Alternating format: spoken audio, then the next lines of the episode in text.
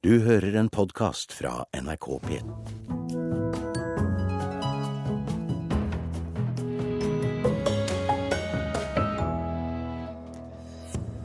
Kommunikasjonsrådgivere får mer makt, viser ny forskning. Det er et hinder for fri presse, mener Norsk Journalistlag.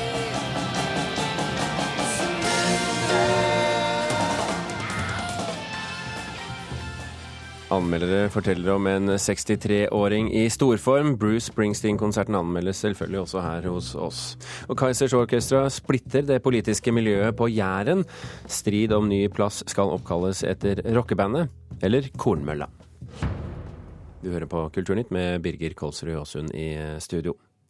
Kommunikasjonsbransjen blir mektigere og bestemmer mer enn før, det viser ny forskningsrapport. Antallet kommunikasjonsrådgivere som jobber for politikere og private bedrifter har steget betraktelig de siste årene, og det kan bli et hinder for demokratiet, sier Thomas Spence, nestleder i Norsk Journalistlag.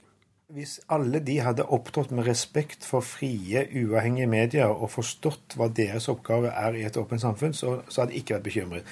Men det vi ikke kan akseptere, er at de gjør dette til hinder for fri og uavhengig presse. I dag kom rapporten som viser at det blir flere kommunikasjonsrådgivere, og at de har mer makt.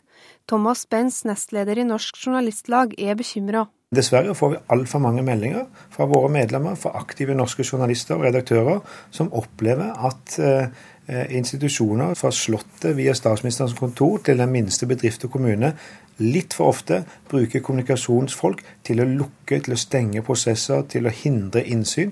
Rapporten viser at kommunikasjonsrådgivere får en stadig viktigere posisjon på arbeidsplassen, og at de har økt innflytelse på samfunnet.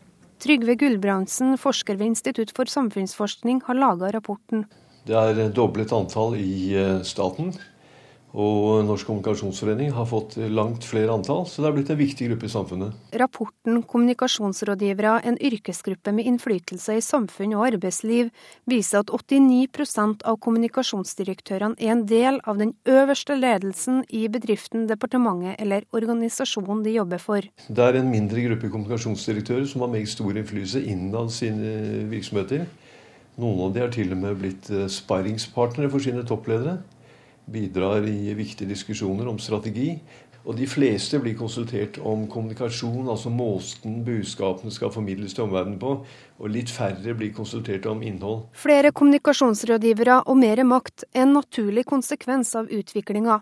Det mener Therese Manus Hønningstad, daglig leder for Norsk kommunikasjonsforening. Stadig økte krav til både fra mediene og fra folk om åpenhet, om tjenester, om tilgjengelighet.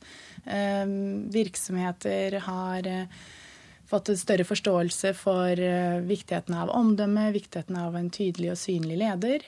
I motsetning til Spence mener Manus Hønningstad at kommunikasjonsrådgiverne har bidratt til et mer åpent samfunn. De har vært en pådriver på å få informasjon ut til folk, eh, og også få fagfolk til å se viktigheten av å svare.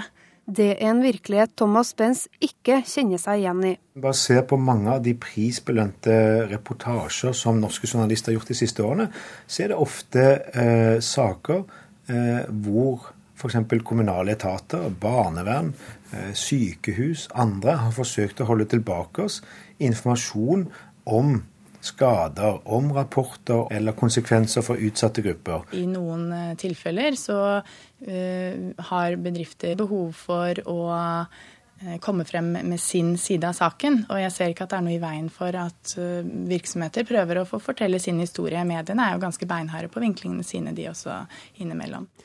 Det sa Therese Manus Hønningstad, daglig leder for Norsk kommunikasjonsforening. Rapporten er gjennomført på oppdrag fra Norsk kommunikasjonsforening, og reporter det var Kaja Kristin Næss. Magnus Takvam, politisk kommentator her i NRK. Bransjen selv er altså kilden her. Men hva er interessant med den rapporten, slik du ser det?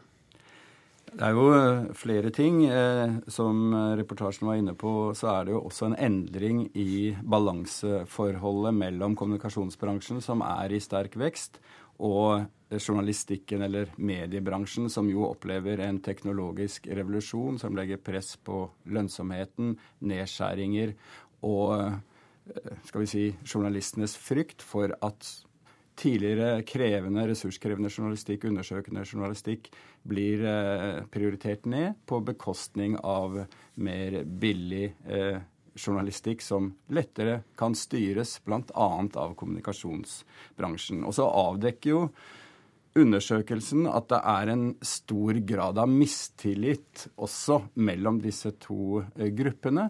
Og mistilliten er særlig stor eh, blant journalistene, som opplever oftere at eh, kommunikasjonsbransjen holder tilbake informasjon, f.eks enn det kommunikasjonsrådgiverne rapporterer om. Så det er noen men, poenger. Men eh, kommunikasjonsbransjen sier jo her at de gjør ting mer tilgjengelig, mens journalistene sier at de gjør ting mindre tilgjengelig. Kan det paradoksalt være at begge har rett? Ja, altså eh, det kan det. og, og punkt én så er det en eh, naturlig rollekonflikt mellom en journalist og en, eh, en, som sitter på som portvakt til informasjon, og som i gitte situasjoner jo eh, kan stenge til kildene som journalistene er ute etter. Så det er, man, man, skal ikke være skal vi si, i harmoni her. Det ligger i, i rollefordelingen.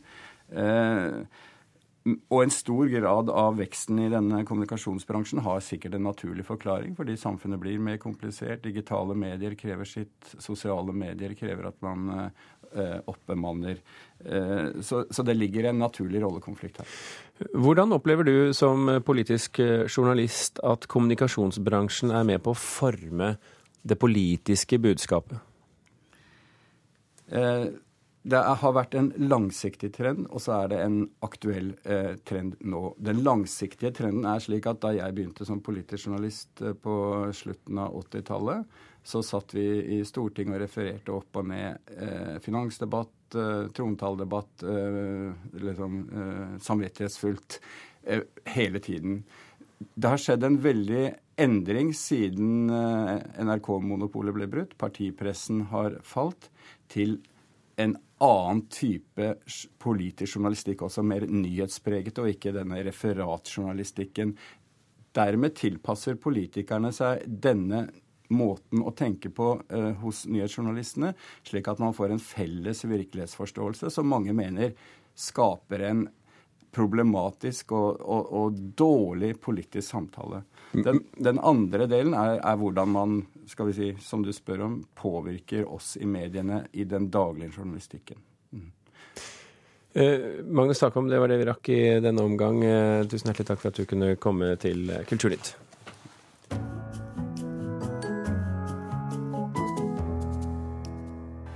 Stephen has been missing for many shows now. He was kidnapped by Norway. this is a special night. He is back with us tonight. Little Steven, the song stylings of Frankie the Fixer Tagliano.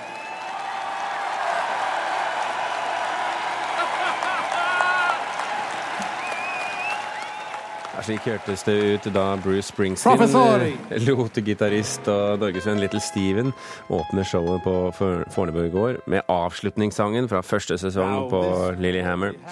Rockelegenden Bruce Springsteen var tilbake i eh, Oslo mindre enn et år siden sist, og likevel så fylte han stadion på Fornebu utenfor Oslo til randen med begeistrede tilskuere. Anmelder Øyvind Rønning i Dagbladet, var du en av disse begeistrede? Ja da, jeg var det. Det var en fin konsert, selv om det ikke var den beste jeg har vært på med Bruce Springsteen. Den var kanskje litt uh, forutsigbar, og det var ikke så mange overraskende elementer, som, bortsett fra, bortsett fra da, den første, som var veldig morsom. Uh, nå veit vel Bruce Springsteen at Little Steven har en, en stor posisjon i Norge, så han utnytta det til fulle. Men eh, jeg tror han hadde lyst til å gjøre dette her. Men det så ut, for oss som har sett dette på TV, så så, så det ut som det var veldig gøy og overskuddsaktig. Ja, ja, det var ikke noe, var ikke noe sånn... Ja, ja, selvfølgelig. Det var det. Var det. det, var, det er, sånn er Bruce Springsteen. Altså, det, det må jeg si. Han er en av gutta, og det er en av grunnene til at han er så populær, tror jeg. da.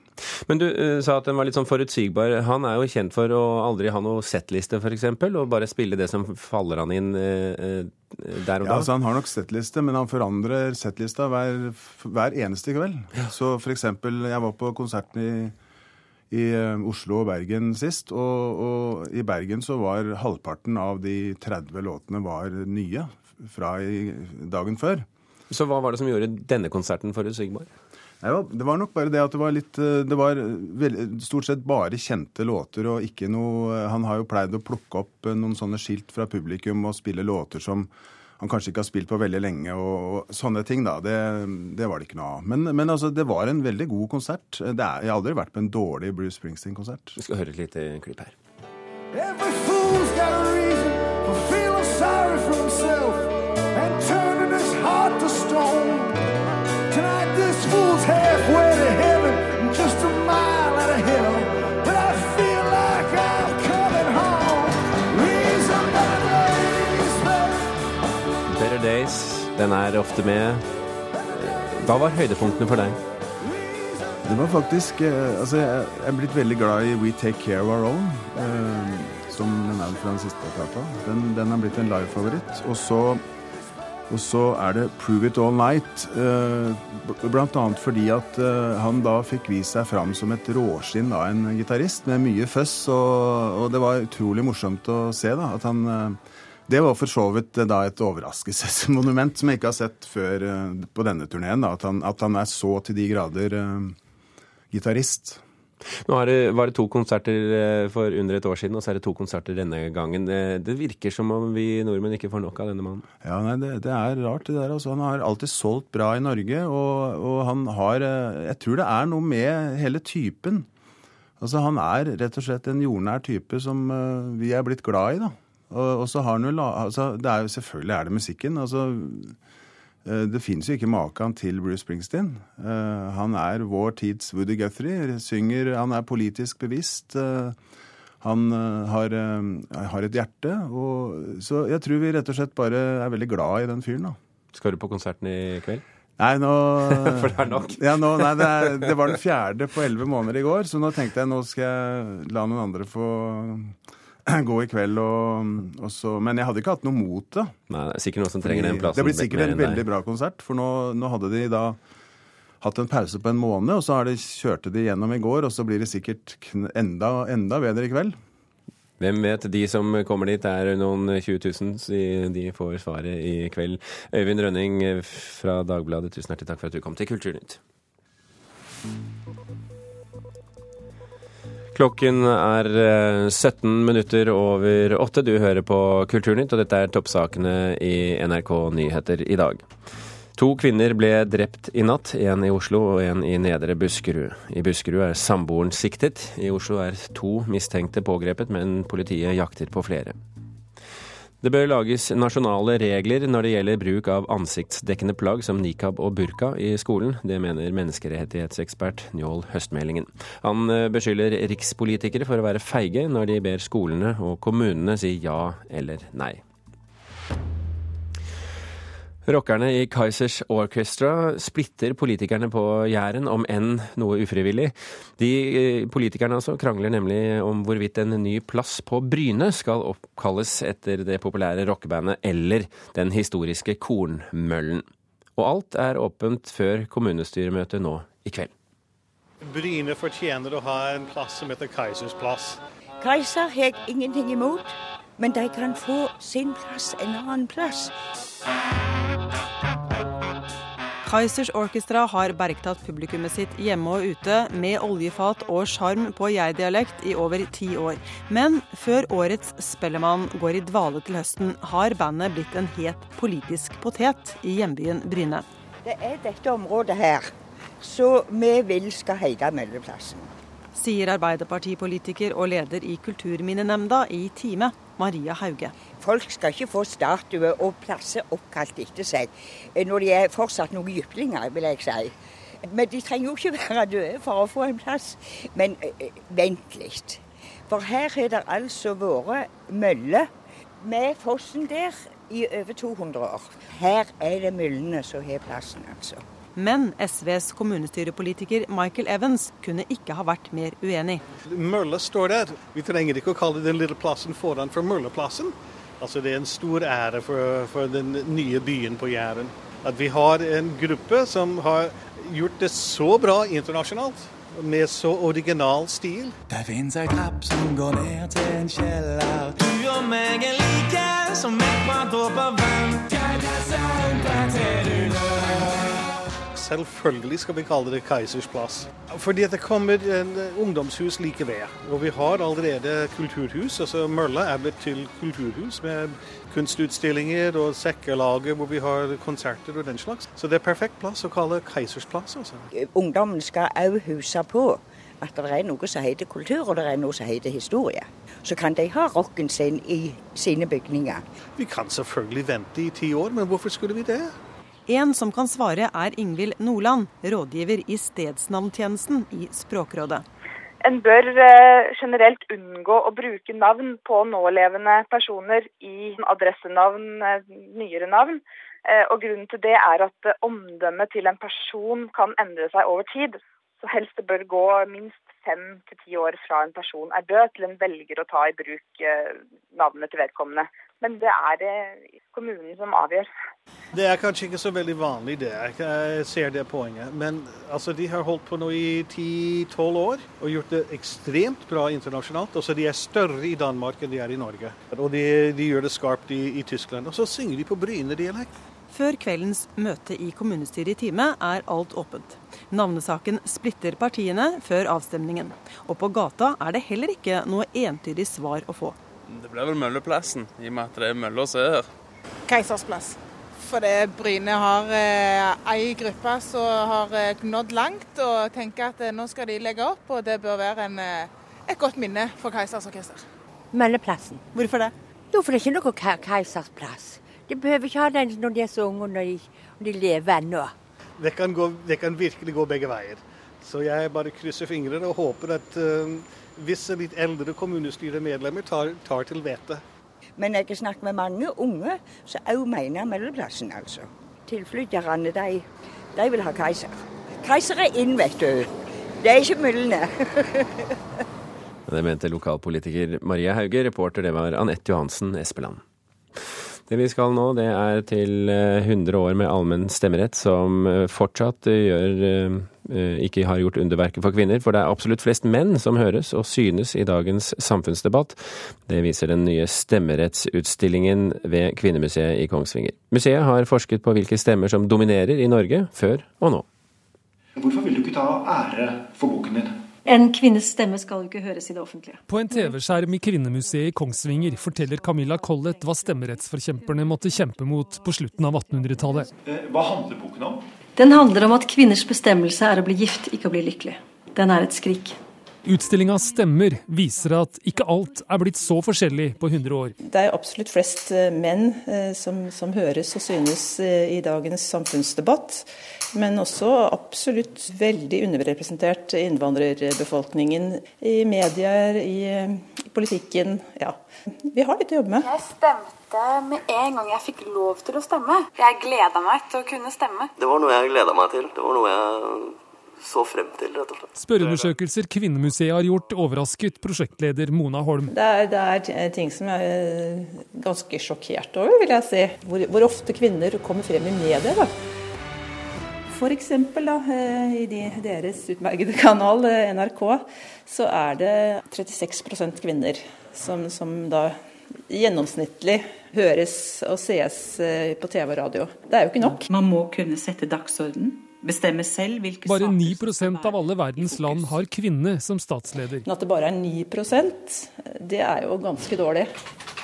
På Wikipedia skrives 80% av stoffet av menn, sier Mona Holm. Mindre enn én av fem er kvinner av de som skriver på Wikipedia. Og, så, og sånne, sånne småting det, det finner vi hele veien. Så vi har rett og slett en jobb å gjøre. Vekk med korsettene, vekk fra broderiene og ut av stuene. Her kan du teste deg selv. Altså, Hvem bestemmer i kommunestyrene i Norge? I kommunestyrene i dag er 38% kvinner, 62 menn. Da har jeg stemt nei. Ja, ja det har de gjort. Stemmerettsutstillinga på Kvinnemuseet viser hvilke stemmer som høres i dagens samfunn. Vi skal eh, feire oss selv som verdens mest likestilte land. Så syns vi må ha med at, eh, at det ikke er eh, like fantastisk med alle på alle plan. Spesielt og interessant å få lov til å være med og skape denne utstillingen som er så viktig. Sier kunstner Marte Kampen, som sammen med Johannes Borchgrevink Hansen har hatt ansvaret for formgivinga på utstillinga. Det er jo mange aspekter av samfunnet som dreier seg om likestilling. Hvem er verdt noe, hvem er ikke verdt noe, ikke sant? Det er, eh, det er absolutt flest menn som, eh, som høres i dag også. Og reporter her, det var Stein S. Eide. Du har hørt en podkast fra NRK P2.